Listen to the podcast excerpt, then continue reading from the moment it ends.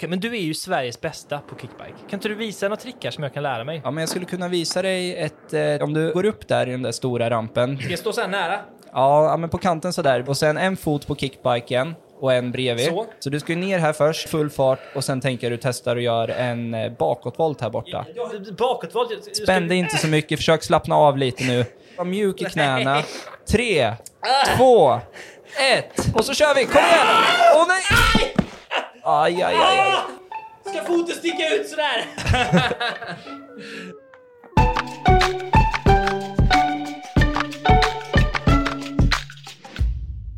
Jag har skrivit en presentation. Åh nej. Den kommer här. Isak Hurdén är 22 år gammal och kommer från Norrköping. Dessutom är han kickbike-proffs och influencer. Han har bland annat medverkat i Talang och haft sin egen serie på SVT Play. Dessutom har han 40 000 följare på Youtube, 35 000 följare på TikTok, 14 000 följare på Instagram och en hel massa företag och spännande aktiviteter. Men nu är han här! Isak! Precis. Tack så mycket för presentationen. Tack! Var det korrekt? Ja, men det var korrekt. Mm. Eh, Där du fick med stämde. Sen har jag bara, eller jag har två företag just nu. Mm. Så eh, ett företag kopplat till eh, min verksamhet med sociala medier och allt jag gör. Och sen har jag precis blivit gårdsägare här i Mm. början av året. Så nu har jag en firma kopplad till det också. Ja, vad coolt. Spännande. Du ska få berätta mer om det. Men först ska jag vrida din mick. Så. Ja, perfekt. Ja, det är poddebut idag faktiskt. Ja. Det, jag är ju lite ny här. Mm. Är du nervös? Eh, nej, faktiskt inte just nu. Det, jag har varit lite, någon konstig känsla idag. Det kan ha varit nervositet, men just Mm. nu känns det hur bra som helst. Härligt. Men det här var ju min beskrivning av vad du gör. Vad skulle du själv säga att du jobbar med? Jo, men jag skulle säga att jag jobbar eh, framförallt med att inspirera till eh, rörelse i form av extremsport. Och i mitt fall så är det ju kickbike då som jag har riktat in mig på, som är en lite nyare sport. Många kanske känner till eh, skateboard och BMX. Och det här är motsvarigheten fast på en sparkcykel. Så man åker på en sparkcykel och man ma- gör massor volter och konster och tricks. Och jag har fått möjligheten att bli först i Sverige med att jobba heltid med det här faktiskt. Mm. Eh, Och jag har gjort det i tre år nu. Så eh, ja, det jag gör, jag åker runt i hela landet, jag gör väldigt mycket olika saker. Men kopplat till kickbiken, så dels lägger jag ner mycket tid och energi på att träna, så jag ska hålla mig på topp och kunna göra alla de här svåra och häftiga tricken. Sen eh, jobbar jag väldigt mycket för att få fler ungdomar i rörelse. Så nu under sommaren till exempel så har jag åkt Sverige runt och anordnat aktivitetsdagar tillsammans med kommuner och föreningar med fokus på att få fler ungdomar i rörelse i form av eh, kickbike då, ja. något som de själva tycker är kul. Ja. Så det är en bit och utöver det här då när jag åker runt och gör de här stoppen och showar och eh, visar tricks så har jag byggt upp ett eget klädmärke Mm. med egen merch och produkter kopplade till mitt namn som jag säljer när jag åker runt och så har jag även eh, startat upp en helt egen aktivitetshall strax utanför Norrköping på den här gården då Mm. som jag talade om tidigare. Coolt. Så eh, ja, jag Och gör väldigt då- mycket olika saker. Ja. Och YouTube också utöver det här. Ja, just det. ja, du har späckat schema. Men den här aktivitetshallen, då är det att det finns eh, lite ramper, lite så mjuka mattor Precis. att landa i. Det finns eh, lite av varje. Det är ju just nu Sveriges enda inomhuspark och park överlag som enbart är byggd och anpassad för kickbike. Så det är ju som en skatepark. Det är massor ramper och hopp och Mm. Eh, så vidare. Och sen som du säger finns det lite madrasser och annan utrustning som man kan träna på ett säkert sätt. Eh, och utöver det så har jag även mycket mobila ramper och utrustning som jag köpt in nu. Så det är väl det stora nya i år. Mm. Nu har jag åkt runt och ja, men kört stora rampshower och byggt upp de här ramperna på olika festivaler och folkfester och så vidare. Och ja, kunna bjuda på riktigt eh, svåra tricks i form av en show. Mm, coolt. Ja, shit, det låter som att du har eh, ett späckat schema då. Verkligen. Så eh, det är väl lite där jag känner det. Ja, det, det, det här är ju det roligaste och bästa jag vet. Men samtidigt så är det ju lite det här att man ska vara bra på allt. Man ska Mm. kunna bygga ramperna först, sen ska man kunna köra svåra tricks i ramperna, sen ska man vara duktig på marknadsföring så att man bygger upp ett varumärke som någon vill ha och sen ska man lyckas sälja in de här uppläggen Sen ska man genomföra dem och då är det mycket logistik med transport, bygga ramper, Eh, man är ansvarig för allt och sen ska man även eh, kunna prestera på högsta möjliga nivå och genomföra en show Ja, under dagen samtidigt som man har allt det här andra och sociala medier och ja, så det är ju någonting nytt ändå. Så var det ju inte om man var liksom idrottsman på 80-talet. Då kunde man vara brottare, duktig på det, det räckte liksom. precis. Så det är ju det som känns lite allmänt med hela klimatet idag, Mm. att förr räckte det att bli världsmästare en gång, eller vara med i Idol till exempel, Mm. och så kunde man leva hela livet på det, att ja men där är Idol i, så här kan vara med 2007. Ja. Ja just det, ja men det är han.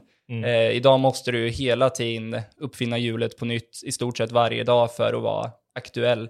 Mm. Eh, så det är tufft klimat att leva i, men det är himla kul och det passar mig bra, för jag är aldrig nöjd och är i ständig utveckling, så det, jag tror det passar bra. Ja. Men det är tufft. Ja, ja men härligt. Men om vi backar bandet lite grann då. Hur började allt det här? Jag antar att allting började med en kickbike.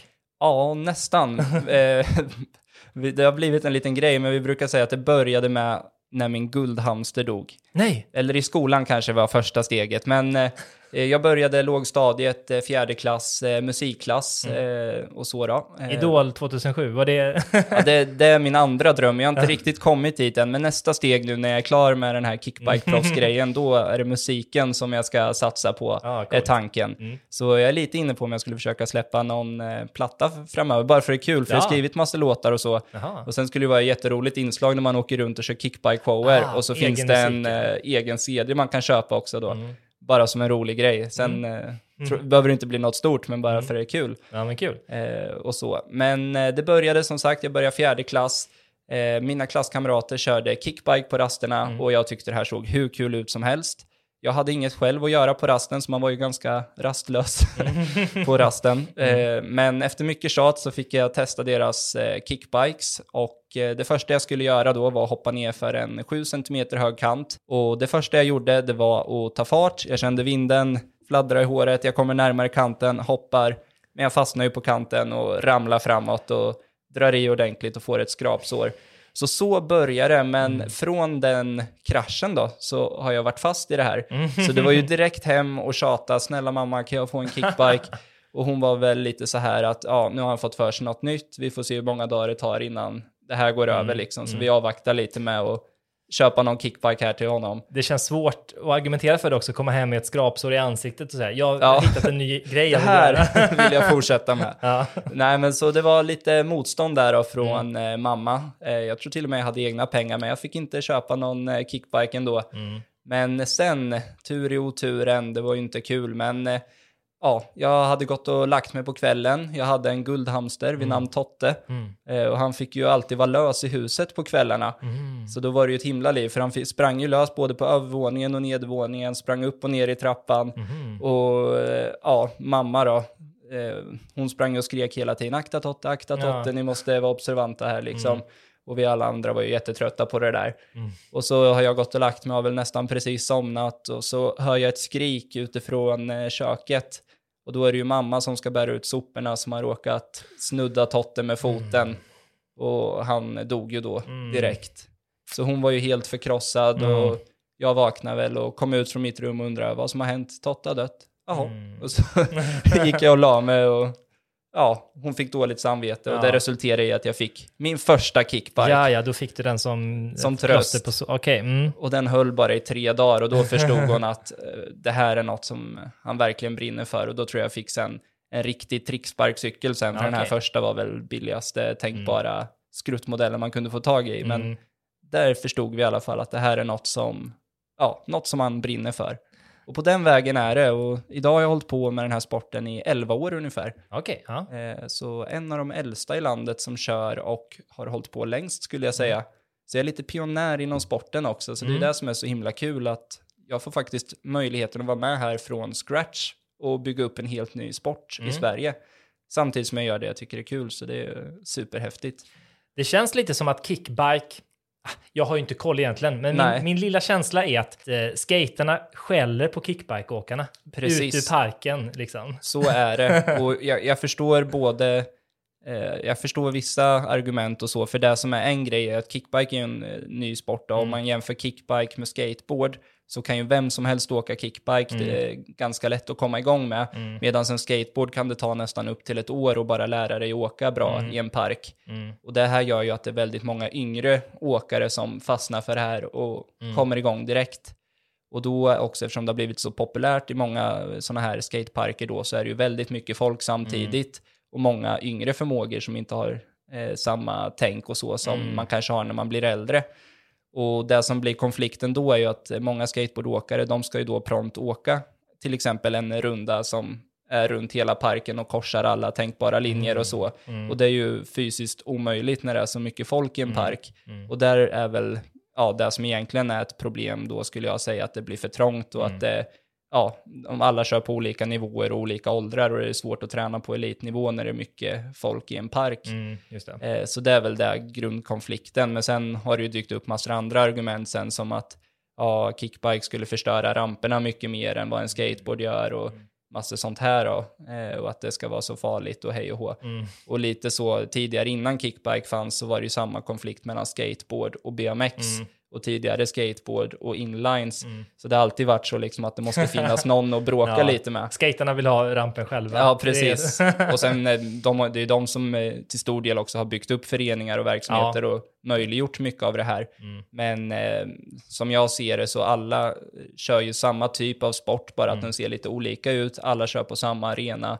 Och det roligaste är om alla kan åka tillsammans och träna och peppa varann och ja, ta del av varandra. Liksom. Som jag, jag kör kickbike, men jag tycker det är kul att köra skate och BMX också. Jag vill ju att alla ska kunna samlas och ha kul ihop.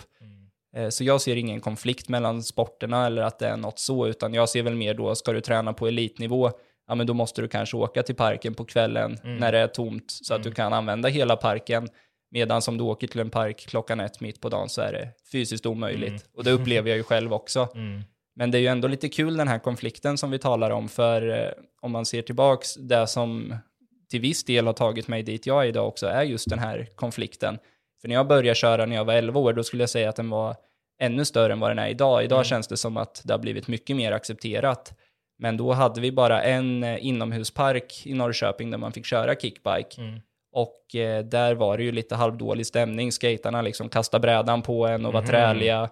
Han som ägde stället var väl inte heller jättepositiv för det var många yngre kickbikeåkare där. Och så var det vissa ramper då som det var förbjudet att köra kickbike i. Mm. Men då var ju det en anledning till mig att bygga en helt egen park istället. Mm. För då kände jag, ja men en sån där ramp, det vill ju jag ha. Mhm. Så då blev det att jag istället åkte hem, eh, tjata, lyckades eh, få eh, mormor, mamma, pappa och min eh, kusins föräldrar att vara med och investera i byggmaterial. Okej. Och så fick jag hjälp av en kompis pappa då. Så jag var väl 12 då och så byggde vi en sån ramp då Mm. hemma hos mig istället. Coolt. Som jag hade ja, drömt om att åka i. Mm. Så eh, hade det inte varit för den här konflikten hade jag ju kanske inte kommit igång och byggt min egna park. Just det, och då kunde du åka lite mer och bli bättre också. Precis, jag körde ju jättemycket och tränade där och sen också nu på sikt så har det ju hela tiden sen blivit att jag har byggt mer och mer och Mm. mer och mer. Och idag driver jag ju faktiskt en, eh, ja, en jättestor kickbikepark och kickbikeanläggning eh, strax utanför Norrköping då. Mm. Eh, så på den vägen är det. Och du bodde på landet då, så du kunde ha det här Ja, jag hemma? bodde liksom. inne i stan, men det är min mormor då som Ja. har haft en eh, lantbruksfastighet Ja. eh, där jag har haft möjlighet och fått bygga upp allt det här och fått otroligt mycket stöd från min familj. Ja. Eh, Men nu idag då i maj tidigare i år, 2023, så blev jag gårdsägare nu. Så det var en annan eh, barndomsdröm. Ända sedan jag var liten har jag sagt att när jag blir stor då ska jag bo här. Och från början var jag intresserad av lantbruk och maskiner och då var det, skulle jag bli bonde. Men nu eh, är jag lite modern kickbike-bonde. Ja, exakt. så det är på den vägen och nu har jag uppfyllt den drömmen då och Ja. blivit eh, gårdsägare här i år. Så det känns jättestort och ja, overkligt också mitt i allt det här med företagande och allt. Så nu har jag en grej till. Men du, du håller på med den sporten och du blir allt bättre. När kommer sociala medier in i det här? Då? Jag skulle säga att det kommer nog nästan direkt när jag börjar med det här. Eh, Jag började med det här när jag var 11 år och jag tror det var ungefär då, då fick jag av min eh, farfar då en eh, Walkman eh, knapptelefon. Och den gick ju faktiskt att filma och redigera i. Aha. Eh, så jag tror det var ja, men det som öppnade upp ögonen. Då började jag filma när jag körde kickbike med den knappmobilen och redigera i telefon. Ja. Och så laddade jag upp det då på YouTube och skapade en kanal. Okej, ja. Eh, och det vart väl ingen liksom succé till en början. Det var väl eh, lite tråkiga kommentarer och sådär. Mm. Eh, men eh, på den vägen är det. Så sen har jag fortsatt så. Jag har filmat det jag gjort hela tiden under de här 11 åren. Och Mm. Eh, ja, men använt YouTube lite som ett eh, fotoalbum och dokumenterat Mm. allt som ja, har det är hänt. klart, just det. Man vill ju se hur ens trick ser ut också. Så det är Precis, så att till en det. början var det ju mer så att jag filmade mina allra svåraste tricks och klippte ihop till musik och la upp som korta sekvenser. Mm. Men sen blev det ju mer att det blev populärt det här med vloggar och man Mm. skulle prata och filma och Mm. Sen har det blivit mer eh, från där och så jag har hela tiden filmat och dokumenterat alla kurser och events och shower och allt jag har gjort och lagt upp det som en biprodukt av det fysiska jag gör. Mm. Och sen har ju det ja, skapat mitt varumärke helt enkelt. Jag skulle säga att anledningen till att jag sitter här idag och eh, har fått alla de möjligheter jag har fått genom åren är genom min YouTube-kanal. Mm. Eh, så det är där jag har eh, ja, byggt mitt varumärke helt enkelt. Mm, coolt. Men när började det gå bra på YouTube då?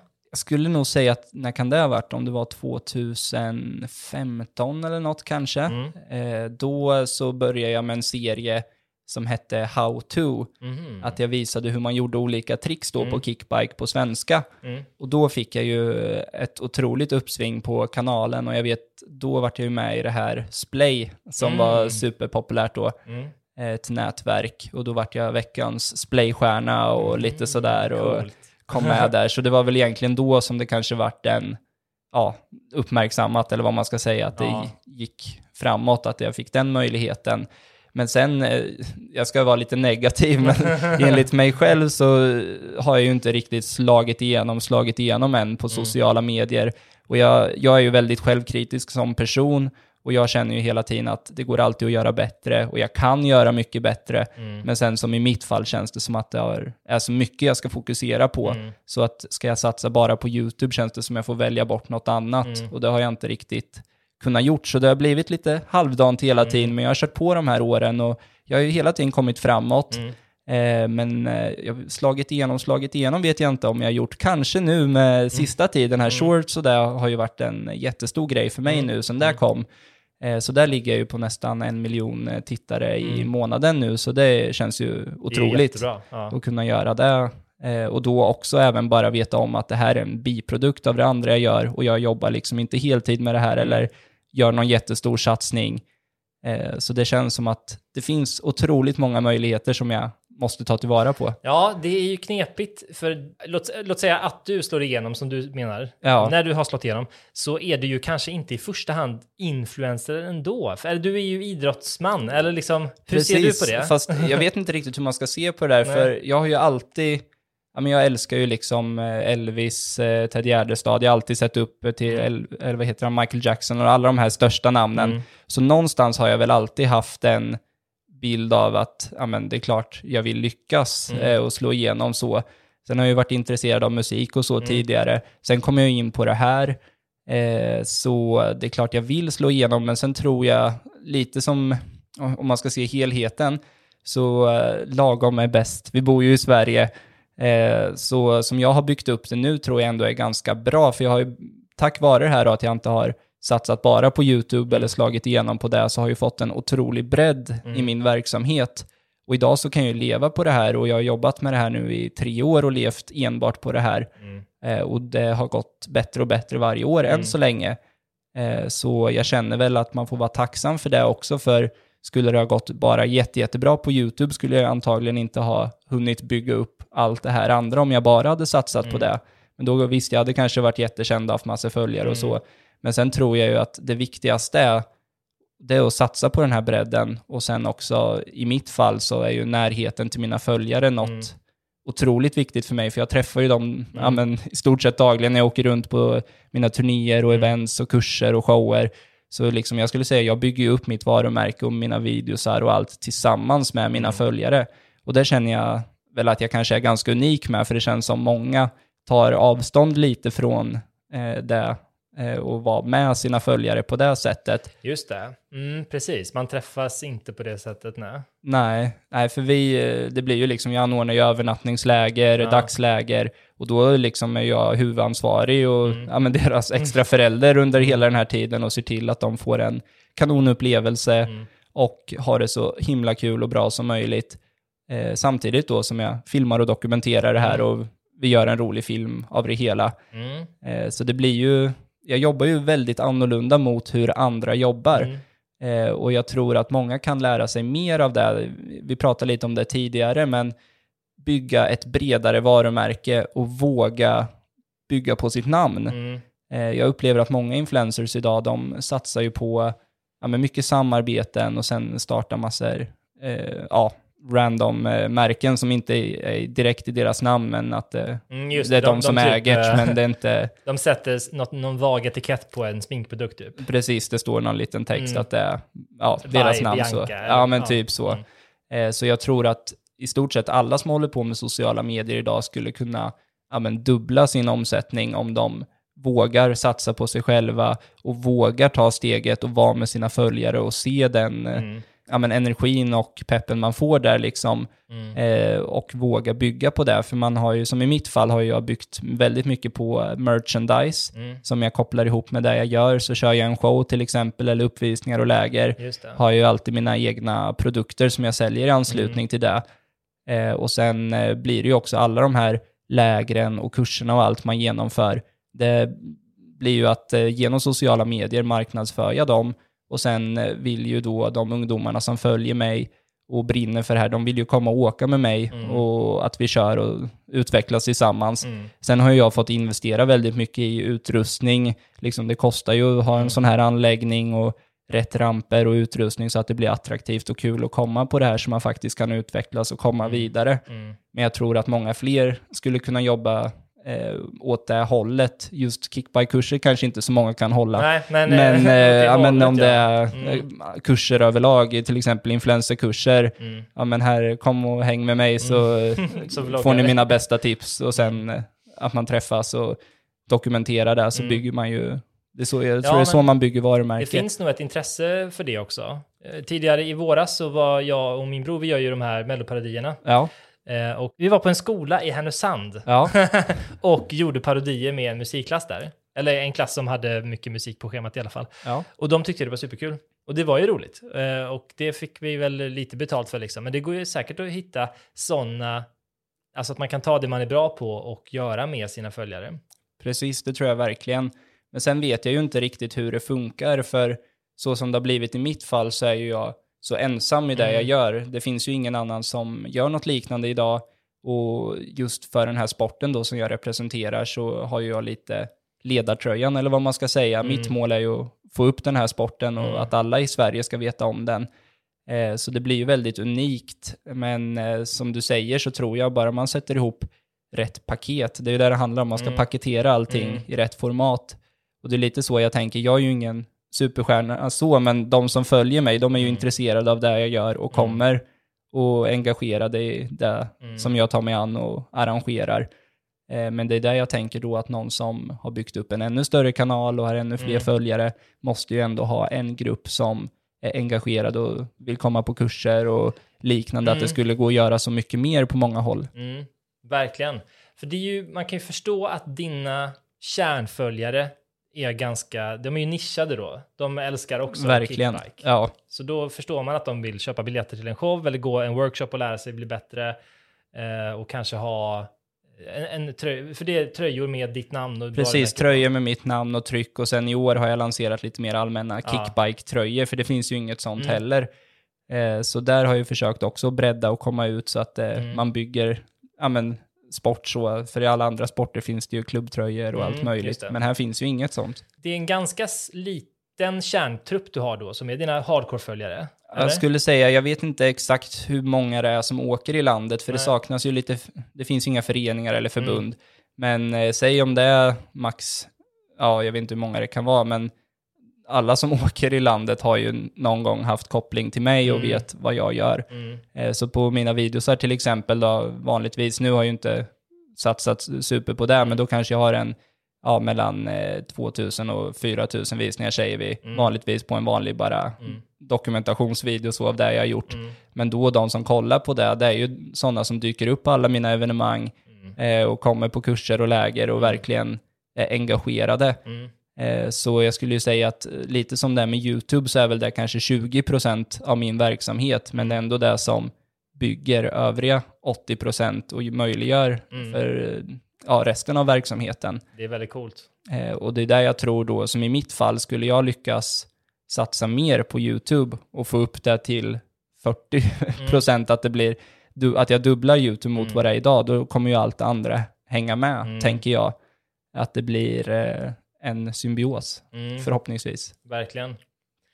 Man pratar ju ibland om, i musikbranschen tror jag det att man ska ha sina tusen fans liksom. Att det Mm. räcker rätt långt. Har du tusen personer som köper skivor eller går på konserter eller eh, tröjor, så det, det räcker långt.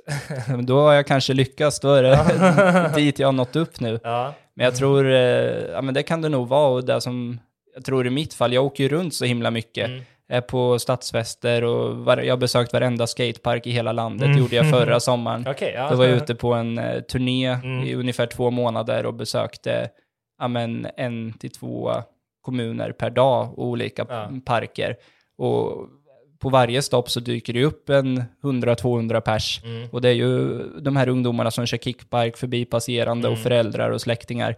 Så jag tror ändå att just ha den kopplingen också, jag tror det varumärket eller den kontakten man får där är så himla svår att få på bara det digitala. För det är just det, har man träffat någon, man har Mm. sett något man inspireras av, då sitter det som ett minne. Mm. Så det jag kan tro, jag vet inte hur det är, men det känns som jag har en väldigt bra grund i mitt varumärke eftersom jag har lyckats med det här fysiska så bra och Mm. även sociala medier till en viss del. Mm. Men sen som du pratade på här tidigare så sa ju du att min målgrupp är ju huvudsakligen de som kör kickbike och så, Mm. det är ju de jag ska locka. Och det är de som tittar på mina videosar, men de som egentligen är mina konsumenter eller de som är viktigast, det är ju föräldrarna till alla de här barnen. Mm. För jag skulle säga att min målgrupp är kanske 9 till 13, den största gruppen. Mm. Sen är det ju såklart många fler som kollar på sociala medier och så, men just på de fysiska evenemangen så Mm. är det ju den åldern. Mm.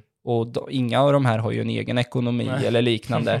Så därför eh, så är det ju föräldrarna som måste gilla det jag gör och vilja ja, men, eh, Mm. få sina barn och eh, våga skicka dem på det här och tycka Mm. att det är en bra grej. Mm. Så det känns också som en sån sak jag verkligen har lyckats med att vara en bra förebild.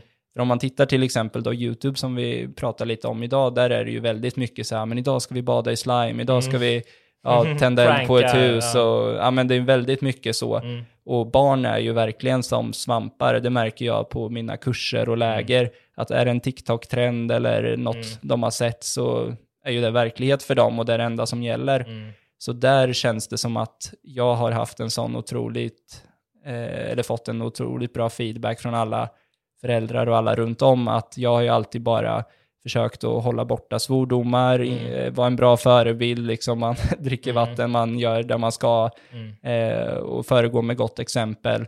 Och det får jag ju jätte- jättemycket beröm för, för sådana förebilder finns det också väldigt Mm. lite av idag Mm. i det klimatet eh, vi ser. Mm. Eh, och då samtidigt att det är kopplat till en sport som är något kul. Men jag tänker, vi ska återvända till det här med liksom businessen och sånt där. Mm. Men jag undrar också lite över sporten. Precis. Hur farligt är det?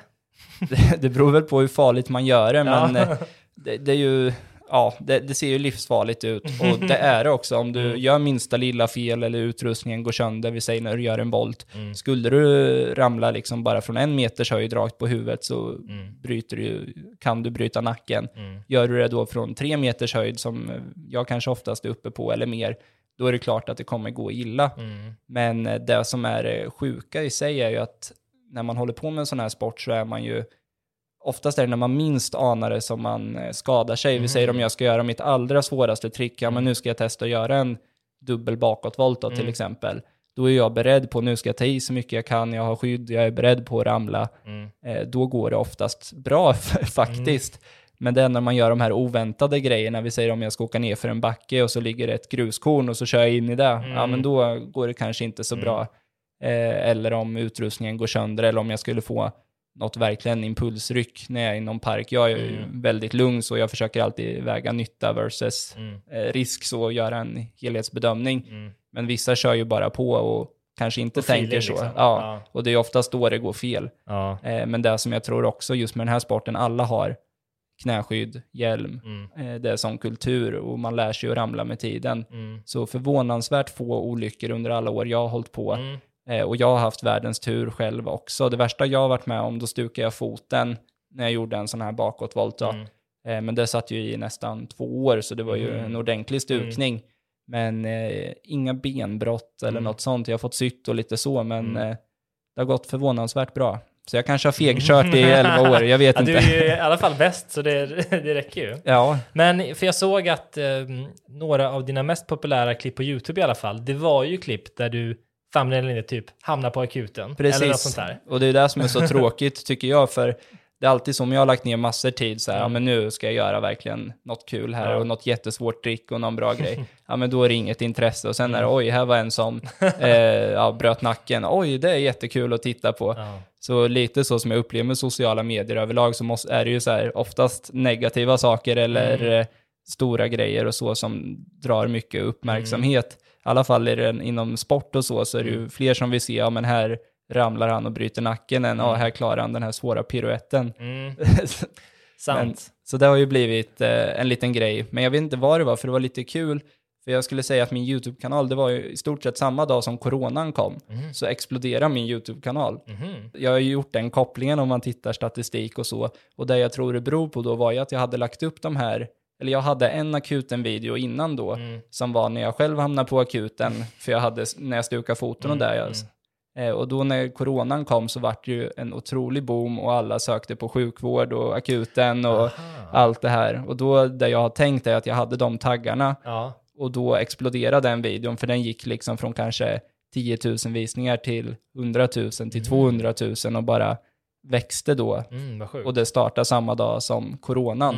Mm. Så det, var, ja, det är min koppling att det Ja. hänger ihop med det. Var det lite startskottet till att det kom fler följare till YouTube också? Jag skulle nog säga det, eller Mm. det är i alla fall sen dess som man kan säga att jag har ändå jobbat Mm. med sociala medier. Innan det har det ju inte varit något eh, så businessmässigt eller vad man Mm. ska säga, men ungefär där i den vevan, för det var ju precis eh, innan jag började jobbade med det här också, Mm. eh, så det var väl då jag började jobba med YouTube, sociala medier och vävde ihop det och startade Mm. mitt företag.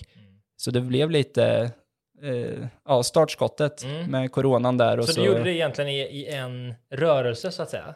Ja, Du märkte att det kan bli stort på sociala medier och så startade du allt där. ja, ja, egentligen den verksamheten jag driver idag, jag har i stort sett gjort samma sak Mm. sedan jag var ja, men kanske 15. Mm. Men tidigare har det varit att jag har varit med ja, men gratis på alla de här lägren och bara varit ledare och varit med för jag tycker det är kul. Mm. Eh, sen har jag åkt runt landet och anordnat tävlingar och events med olika sponsorer jag haft och då också bara gjort det för jag tycker det är kul. Mm. Och sen vart det så nu, jag gick ut min utbildning 2020 eh, och så bara började alla förfrågningar komma in eh, och bara, men shit, det här, jag kan ju faktiskt jobba med, Mm. det jag har gjort Mm. tidigare. Mm. Bara att jag paketerar om det, startar ett eget brand och Mm.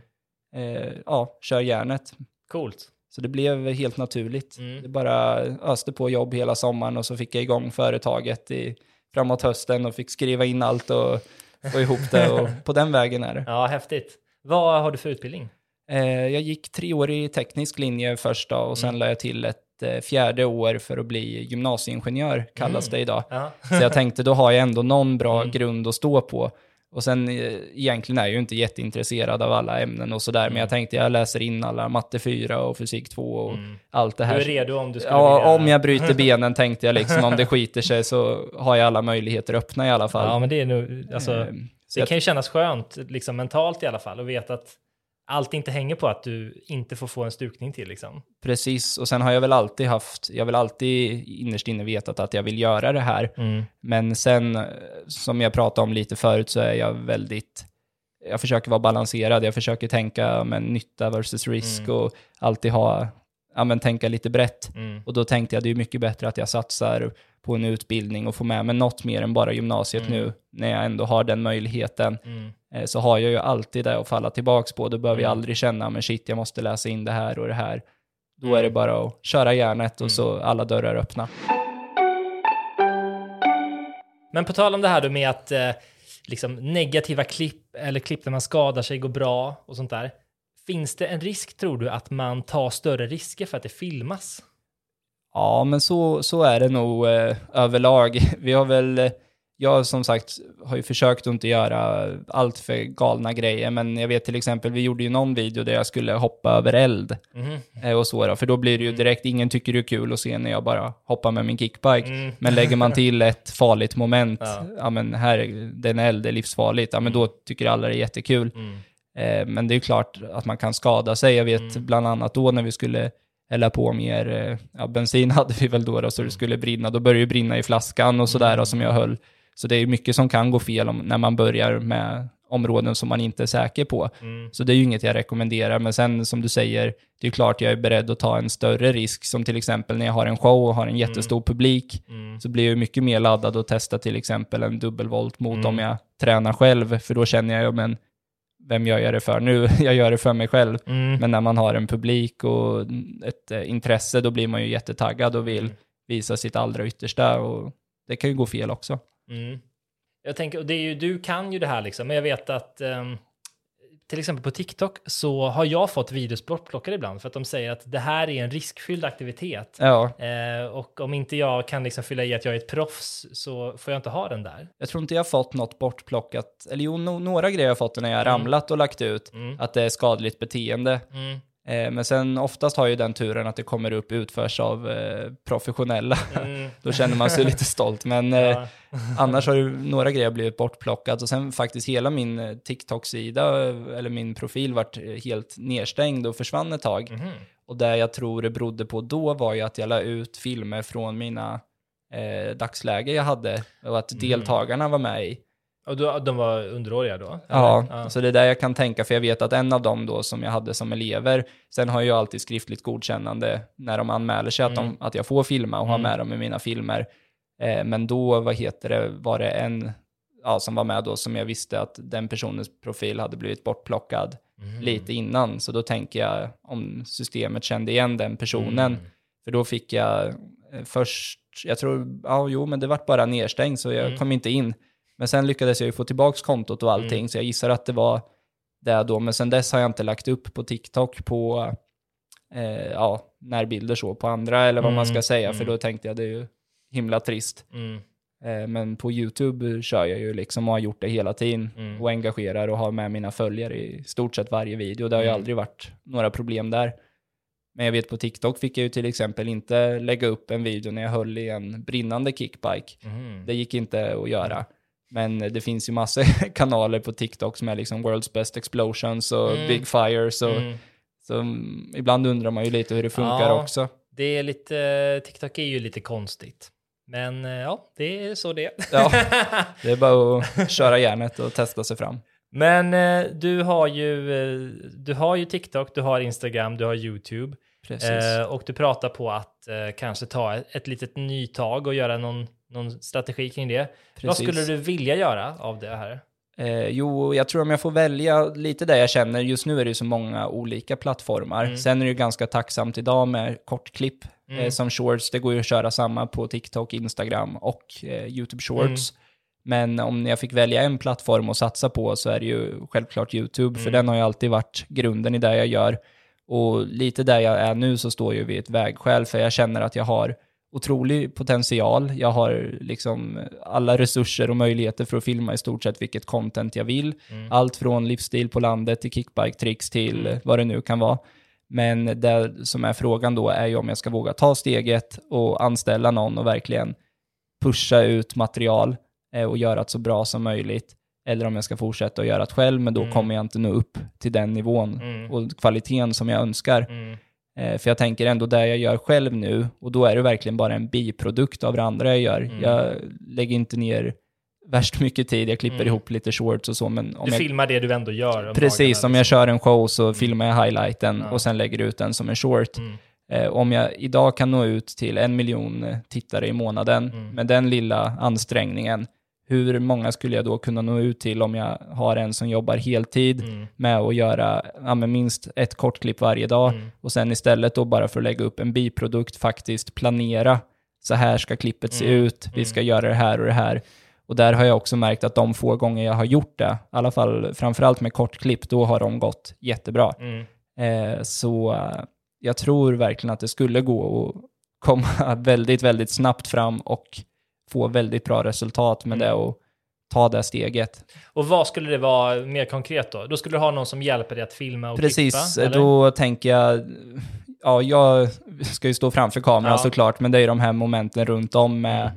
redigering och Mm. filmning. Mm. För i stort sett alla mina filmer jag har lagt upp nu, då är det oftast att jag är i en park, jag är där själv och så kanske det är några nioåringar och 11, 12, 13-åringar där som aldrig har hållit i någon kamera. Mm. Och då blir det bara, kan du hålla här och filma lite? Ja, och sen, ja, det blir ju inte jätte, jättesnyggt jämt, Mm. men jag får trolla ihop det så gott det går. Mm.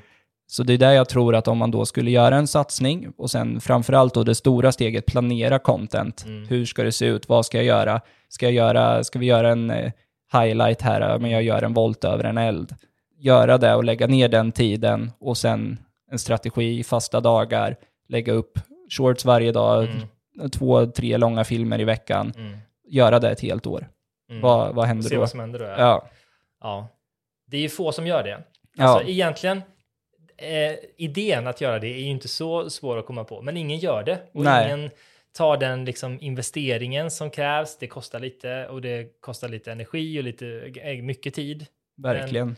Ja. Och det, men det jag ändå tror i mitt fall, för det är ju, jag har ju ändå en ganska bra bredd. Mm. För det jag upplever annars är ju det här, vad ska jag göra varje dag? Mm. Ska jag skala potatis idag eller ska jag visa min eh, garderob? Ja, Mm. men liksom, man måste ju ändå kunna göra grejer. Men det där som känns som i mitt fall, i alla fall shorts och även videosar, där kan man ju lätt göra en serie, voltar över olika saker. Mm. Idag testar vi att volta över en bil, imorgon, ja, men nästa video blir en lastbil, vi Mm. bygger ännu större ramp. Idag blir det en eld över en explosion. Ja, men alltså, Mm. det känns som att jag kan koppla min sport till häftiga, bra clickbaits och highlights som ändå är intressanta att titta på. Och sen då när jag gör de här långa filmerna, eh, planera shorts ut efter det, att det blir då highlighten, ja, men när jag gör en volt över en bil, Mm. blir en perfekt short. Mm. Att man kan väva ihop allt så bra och sen kanske man har en parallell serie, livet på landet. Idag ska vi bygga en fågelholk, fem enkla steg, så här gör du. Mm. Eller eh, vi ska bygga ett nytt skjul till hästarna eller det. vad det nu kan vara. Det känns som det, ja, det går. Ja, ja, men exakt. För då, om du gör ett längre format som handlar om kickbike, men där du är personlig, då kanske man blir nyfiken på att följa dig i lite mer situationer. Precis, för nu blir det ju så himla inriktat på sporten. Ja. Och det är där jag tror om man då får lite livsstil över det hela, Mm. att det blir mer som en reality-serie, att det är liksom, ja, men nu, nu håller jag på med veden här och sen imorgon ska jag iväg på ett evenemang och sen, Mm. men att man får med fler aspekter och lite relation och väva in familjen lite mer kanske och Mm. sådär liksom. Och som du säger, bredda framför allt. Mm. För jag tror ju till exempel skulle man få in, om man tittar eh, ja, med Wahlgrens värld eller Mm, vad som helst, så är det ju som bredd. Skulle man göra ett liknande format då, att det är lite kickbike med mig, sen blir det lite ridning, sen är det lite inredning, Mm. eh, lite snickeri och bygge och allmänt gårdsliv och Mm. ja, men väva ihop allting tror jag man skulle ändå få ett väldigt familjevänligt och roligt content där det finns något som passar alla. Mm. Men då vill man ju göra att proffsigt så det verkligen blir som en tv-serie typ. Mm, Så det är mm. mycket produktion och tänk. Mm. Eh, Och sen eh, svårt att hitta drivna människor. Ja, det är ju lite svårt. De Faktiskt. flesta idag vill ju bara, ja men vad tjänar jag? Ja men du får så här mycket. Ja, ja men okej då. Det är liksom, man vill ju hitta eldsjälar som Mm. bara, jag älskar att filma, jag vill skapa material. Eh, att det är det som är liksom inställningen. Eh, och att man eh, verkligen brinner för det man gör. Mm. Jag tror bara det är då man kan skapa riktigt bra saker. För Mm. annars blir det ju det här bara att då ska jag stå hela tiden, du ska göra det här och det här och det här och det här Mm. och du får det här. Ja. Medan annars blir det så här, ja men du sa att jag skulle göra det här, jag gjorde allt det här också och det blir skitbra. Att det blir en egen Mm. Ja. vilja. Exakt, och det är det svåra att hitta någon sån. Eller de, de finns ju, men ibland känns det som att de som har det drivet och den viljan, de vill ju kanske göra, de har ju en egen vision. Ja, eget material Mm. och så vidare. Mm. Men det är där, det är där som är klurigt och hur man ska lägga upp det. Sen är det ju alltid en risk, som i mitt fall, jag jobbar ju, mitt varumärke är ju mitt namn. Mm. jag, det är lite så här också, vilka ska jag ta in, vilka Mm. ska jag våga satsa på och eh, så vidare. Mm. Eh, men eh, nej, jag, jag tror eh, rätt person finns. Det är Ja. bara att, ja, och jag har väldigt bra kontakter också, men det är Mm. som sagt, våga ta steget. Om någon som lyssnar nu, eller någon som tittar nu, blir sugen så finns det alltså jobberbjudande Precis. utanför Norrköping. Ja, så gärna någon som bor i närheten då, då som Mm. kan vara med och ja, men, göra den här satsningen och filma material i stort sett varje dag, Mm. året om. Och testa ett år. Se vad, vad som händer. Kanske vi kan flytta utomlands allihop. Ja. Nej, det kommer jag aldrig göra. Jag, jag har köpt min gård och jag kommer hålla mig där tills jag blir gammal och grå. Hur tjänar du pengar? Ja, det är ju många olika sätt som vi har pratat om nu. YouTube är ju en viss inkomst. Mm. Det är ju inget jag lever på, men Mm. det är ju en bonus varje månad. Sen är ju min största verksamhet och det jag har satsat på nu, framförallt i år, så är det ju shower och Mm. events och eh, uppvisningar och så då. Och då har jag ju nu bytt lite fokus. Tidigare har ju allting kretsat kring att jag hela tiden ska vara superaktuell och att det är deltagaravgifter, att jag ja, men i stort sett, jag erbjuder ett koncept. Eh, nu kör jag ett sommarläger till exempel. Ja, vi har så här många platser, vi kommer göra det här och det här, de här utflykterna. Mm. Och så köper man en biljett till det och är med på det och deltar. Och så Mm. blir ju det en intäkt Mm. eh, från det. Men nu har jag försökt att byta fokus. Jag har självklart kvar den här delen också. Men nu vill jag istället eh, jobba mot större organisationer som direkt mot kommuner Mm. och föreningar. För mitt mål är ju att alla ska kunna röra på sig och Mm. alla ska ha rätt till rörelse. Mm. Eh, och eh, då tycker jag det är ganska tråkigt när det blir, ja men du måste betala för att få vara med Mm. och röra på dig och Mm. köra här med oss. Så det som blir nu istället är ju att jag riktar mig direkt till kommunen. Mm. Kommunen betalar mig och jag kan ha ett helt öppet evenemang där Mm. alla som vill röra på sig och vill vara med och ha kul med oss kan Mm. vara med. Mm. Eh, och det blir då ja, men ett roligt initiativ för alla. Mm. Eh, så det är mitt fokus just nu. Så det blir ju, ja det är väl den största inkomstkällan skulle jag säga. De, eh, Den typen av de uppdragen. Okej. Mm. Eh. Men och har du fått igenom sådana? Du kör sånt med Ja, jag har kört hela sommaren nu och gjort en, På det en, sättet? Med ja, ja. en Sverige-turné då. Eh, Så förra sommaren då gjorde jag en Sverige-turné, men då var det på eget initiativ. Mm. Jag tänkte, jag har alltid velat åka runt i hela Sverige och göra något sånt. Mm. Så jag köpte ett släp, jag tryckte upp massa tröjor, eh, ställde in en våningssäng i släpet och så drog vi ut och besökte 40 olika kommuner och eh, ungefär 43 parker eller vad det kan ha varit Mm. och gjorde ett stopp varje dag och anordnade sådana här evenemang. Och då var det ju gratis öppet för alla. Eh, Jag lyckades väl sälja in några jobb, Mm. men sen var det ju då försäljningen som liksom finansierade det här så vi kunde genomföra det. Eh, Men sen i år då, istället för att göra så som vi gjorde förra året, så har jag i år ja, men, lyckats sälja in alla de här stoppen. Sen har jag inte gjort lika många stopp i år, men Mm. det har istället blivit färre stopp, dubbelt så stora med Mm. ramper och mer resurser. Mm. Och sen att det har varit genom kommun så vi har en finansiering Mm. så att vi kan få en ekonomi i det hela så Mm. det går ihop sig. Och sen eh, också kunnat då erbjuda en ja, men bättre upplevelse för de som kommer. Mm. Och sen haft försäljning och allt det här kopplat Ovanpå till det det. då, ja. ja. och sen YouTube då, men det har jag inte hunnit klippa ihop något än från sommaren, så det Nej, kommer väl det. nu under hösten. Men Ja, men okej, så då, då får du betalt av kommunen för att vara där. precis. Du kan sälja lite merch och eh, kanske hitta lite nya kunder som vill, och prenumeranter. Precis, och oftast är det ju så att dit jag kommer känner ju alla igen Ja, mig. ja. Så det blir ju lite som att eftersom jag lyckas bygga upp mitt varumärke så pass bra Ja. som jag har gjort så blir det ju en jätterolig aktivitet och det Mm. kommer mycket folk. Och det är ju det kommunerna uppskattar Mm, också. För mm. om man tittar runt om i landet så är det ju jätte, vet jag många andra, men idag är vi här, kom och testa det här och så är Mm. det två personer där. Mm. Så nu känner ju även kommunerna att nu gör vi något bra, för i Sverige så har vi ett jättestort problem med stillasittande och vi behöver få fler i rörelse. Mm. Vi får in ett jättebra eh, initiativ. Mm. Det ligger rätt i tiden med fokus på rörelse. Vi har även en intressant då, person som Mm. ja, men, ändå har ett varumärke Mm. Mot att bara ta in eh, en artist, säger vi, Mm. som kör tre låtar, så får man ändå in ett litet dragplåster. Mm. Det blir en rolig aktivitet och det går att genomföra i, i stort sett alla kommuner. Och många kommuner har ju då en egen skatepark. Mm. Och då har ju ett upplägg som man bara genomför på deras egna arena. Och sen, eh, ja, som jag pratade om tidigare, har jag varit med på en del festivaler och så också. Då har jag ju helt egen utrustning och kör mer show liksom. Mm. Men annars är det ju att jag jobbar med ungdomarna och mina följare helt enkelt, Mm. som kommer och är med på det här. Ja, coolt. Det låter ju både kul och bra och eh, lönsamt. Jobbigt. ja, jobbigt också. Nej, men, men det, men det är ju skönt att eh, i, i det fallet inte behöva kuska runt med en egen park liksom. Precis, men sen känner jag i, i sommar har det faktiskt blivit så, för jag har haft väldigt många jobb just med eh, bokning av ramper Mm. och sån utrustning.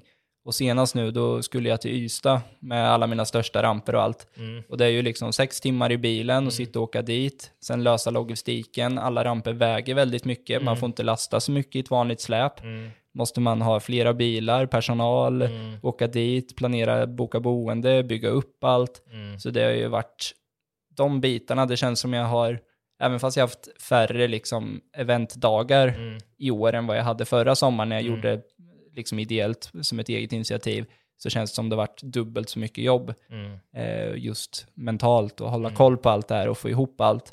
Men nu är allt avklarat och det har gått jättebra. Mm. Nu vart det bara lite bonusgrejer den här veckan. Nu ska jag vara med på peppdagen här i Stockholm vid Haga slott. Ja, prinsens. Precis, så jag är med i Generation Pepp då med Mm. min verksamhet och ja, nu blir det ett ideellt stopp här i Hagaparken och ska försaka visa upp lite vad kickbike är och ja, men kanske få fler intresserade och kanske även prinsen om vi har tur. Det hade ju varit något att se honom prova en dubbel eh, Ja, ja, men det skulle vara, det skulle vara kul.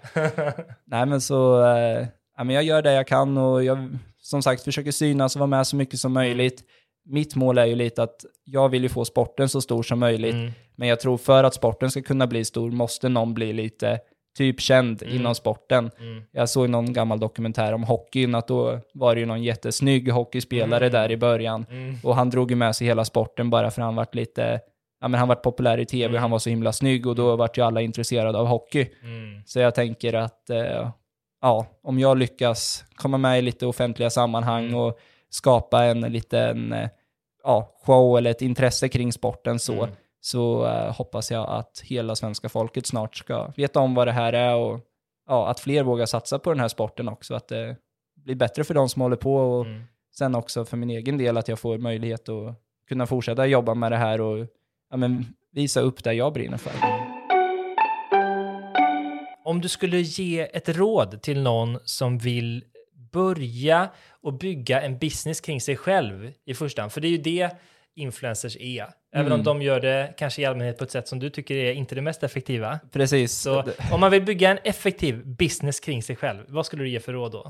Alltså det är jättesvårt. Och det, som- det som jag funderat på lite allmänt för alla är ju så här, ja, men hur blir man influencer? Så Mm. hur kan jag bli ja, men känd eller så? Mm. Och jag tror egentligen inte det finns något sätt. Visst att du kan lära dig hur algoritmer funkar och Mm. ja, men om jag gör det här och det här så får jag mycket visningar.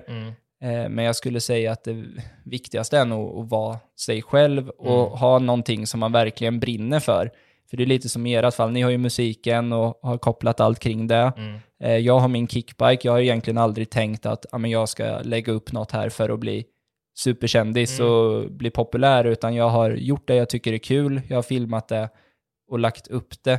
Så jag tror det är det viktigaste först, hitta något som du verkligen brinner för. Mm. Men sen när du väl, vi säger då om du vill ta steget och du vet att jag är jättebra på att eh, sjunga, säger vi till Mm. exempel, hur kan jag göra något, eh, starta en business kring det här? Mm. Då skulle jag nog säga att första steget så är det ju att försöka komma ut eh, och skapa kontakter och bygga Mm. ett kontaktnät.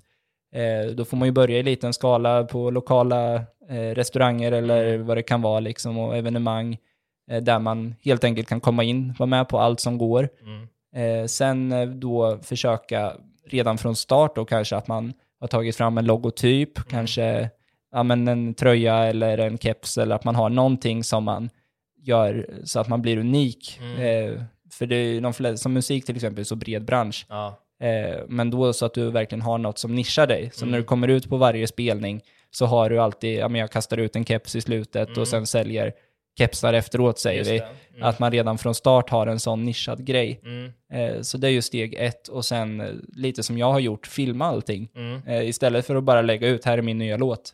Ja men, ja, tja, idag ska jag sjunga här på Pub Vasa. Eh, jag är supernervös nu, det är premiär. Mm. Ja, jag jobbar arslet av mig i år för att bygga upp mitt varumärke. Just nu går det Mm. sådär, men jag har Mm. en dröm, en vision och Mm. målet är att komma hit. Att man redan från början är öppen och filmar och sen då när man är ute, istället för att bara filma sina låtar, ja men eh, vilka har vi i publiken idag? Ja men här är Lasse, hej Lasse, vad, Mm. hur, vad tyckte du om kvällens show? Ja men Mm. det, det var bra, ja, men att man skapar en, en bredd kring det hela. Mm. Det tror jag är jätteviktigt och att man väver in alla också som är involverade, för jag tycker ofta blir det så mycket, såklart det blir fokus på influencern, det är ju Mm. det som är huvud, eller liksom varumärket så. Mm. Men sen tror jag att om man väver in sin omgivning hela tiden och sen har en sidoprodukt och eh, ja, får ihop det på ett sätt så tror jag Mm. att det blir en bra helhet. Mm. Just det. Eh, så det är väl det och sen när man märker det börjar gå bra då är det ju bara att satsa liksom. Och sen tror jag som vi pratade om att ska man börja med det här då, eh, gör en strategi. Ja, men jag ska lägga upp en short varje dag Mm. eh, 20 sekunder av en ny låt, till Mm. exempel varje dag. Eh, och två sådana här långa videos i veckan där de får följa med mig på en spelning. Och sen i varje film då får man ju in också de här produkterna och det som man bygger varumärket med. Mm. Eh, och sen kanske man, ja, nu är ju inte alla att man vill driva restaurang, men Mm. att man redan har på sikt då, med nästa steg, ja men då ska jag ha en egen eh, scen, säger vi. Mm. Att man redan börjar upp och då sjunger man ju bara på sin scen och Mm. i sin studio varje dag. Och sen, ja men vill ni komma och vara med och sjunga med mig här och spela Mm. in era låtar? Ja. Ja men eh, boka en plats eh, nu, eh, det kostar så här mycket per person och då har ni en halvtimme och vi, ni sjunger in i låt och så Mm. lägger vi på och gör lite musik till det och det Mm. kostar så här mycket och så, ja, så man hela tiden bygger, man bygger varumärket med följarna Mm. och genom dem och de är med och påverkar och sen har man ändå eh, sidoelement som några produkter och liknande som man kan få lite ekonomi i Mm. och sen att man skapar en egen arena att, och en efterfrågan att alla vill komma hit och sjunga med mig i min studio. Mm. Att man skapar det liksom och visar så här är det. Mm. Och här kan du komma och stå, nu spelar vi in här men du kan sitta här bredvid mig och vara med liksom. Mm. Att man får, bygger upp den känslan. Mm. Det tror jag. Superbra ju. Verkligen. Det är ju så det kan bli stort också. Ja. Men, men eh, helt krass så gör ju folk precis tvärtom. De Ja. sitter hemma i sina rum med sin mobil och så... Pumpar ut Ja, content. Ja. Men Och det- gör reklam för andras varumärken som du Ja, sa. och det där jag tror blir lite, visst att du, för det är lite så jag resonerat hela tiden, för jag vet ju ändå hur, ja, men hur det funkar med sociala medier. Jag har hållit på i 11 år, jag har gått på Mm. massor av utbildningar och vet exakt hur jag ska göra. Sen Mm. är det inte alltid jag gör det, men Nej. eh, lite så har jag resonerat hela tiden. Jag skulle kunna ja, men, kö- köpa in massor slime eller vad det nu kan vara och Mm. göra en sån här typisk video som jag vet skulle få mycket visningar. Mm. Men sen har jag tänkt så här, ja, men står jag bakom det här och så liksom och vad är, vad är viktigast? Visst att det blir jättepopulärt, men sen lite som vi pratade om tidigare så kan du nog ha hur populärt content som helst. Mm. Jag kan få en miljon visningar på ett klipp säger Mm. vi om det bara är något jätte, jätte attraktivt. Mm. Men sen bara för det betyder det inte att alla som kollar på det lägger till mina, men vem var det på filmen? Nej. Utan det var bara ett jätte, jättebra content, Mm. men vad fanns bakom? Mm. Så det är där jag tror man måste jobba stenhårt med och göra den anknytningen från kreatör till följare så att Mm. de inte tittar på dig bara för att det är ett bra content utan att de tittar på dig för att de vill se dig. Mm. Det, så kan vi sammanfatta. Ja, det var väldigt bra sammanfattning. ja, men kul. Jättebra tips och eh, jag tror att jag har fått svar på de frågor jag hade. ja, ja, men vad kul. Jättekul att vara här. Ja, kul att du kom. Poddebut idag. Ja, det gick ju jättebra. Så eh, vill ni ha med mig i fler poddar så Ja. eh, bara ringa. Just det, ja, va- vart eh, man ringer eller man följer dig på olika Ja, plattformar. fax. Nej, men det är, inst- eller det är ju sociala medier. ja, det är bara att skriva till dig i ett DM. Bara skriva Isak Ja. Ja. och så, ja, det finns hemsida också, isakudén.se, så ja, ni hittar mig på nätet. Ja. Fanns det någon fråga du trodde jag skulle ställa som jag har missat? Ja, det, ja, det var väl eh, en som var lite intressant, det var väl mer, eh, för jag fick ju lite, ja men tänkte så här, men då är det ju bara något som har gått riktigt dåligt eller något sånt. Mm. Men den har jag försökt att tänka på Mm. och fundera lite kring.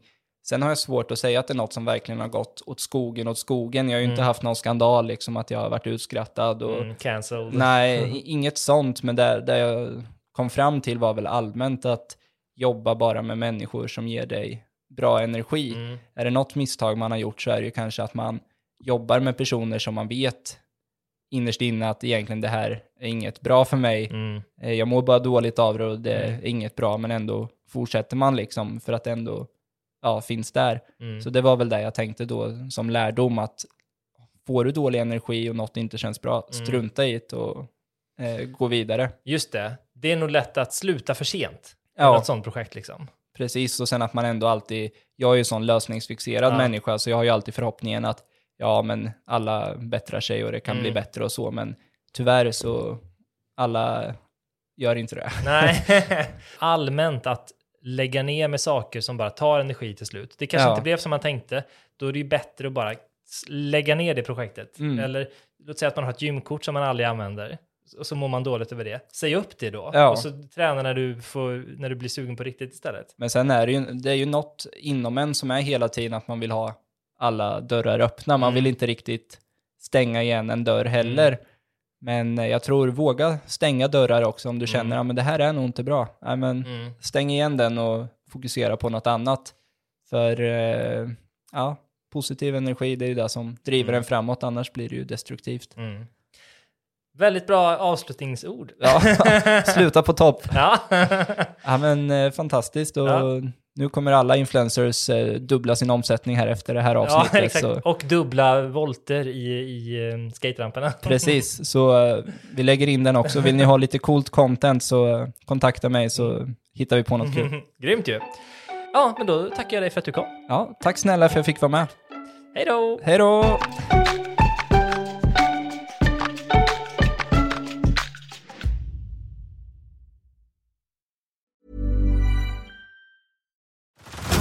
Head over to Hulu this March, where our new shows and movies will keep you streaming all month long. Catch the acclaimed movie All of Us Strangers, starring Paul Mescal and Andrew Scott. Stream the new Hulu original limited series We Were the Lucky Ones with Joey King and Logan Lerman. And don't forget about Grey's Anatomy. Every Grey's episode ever is now streaming on Hulu. So, what are you waiting for? Go stream something new on Hulu.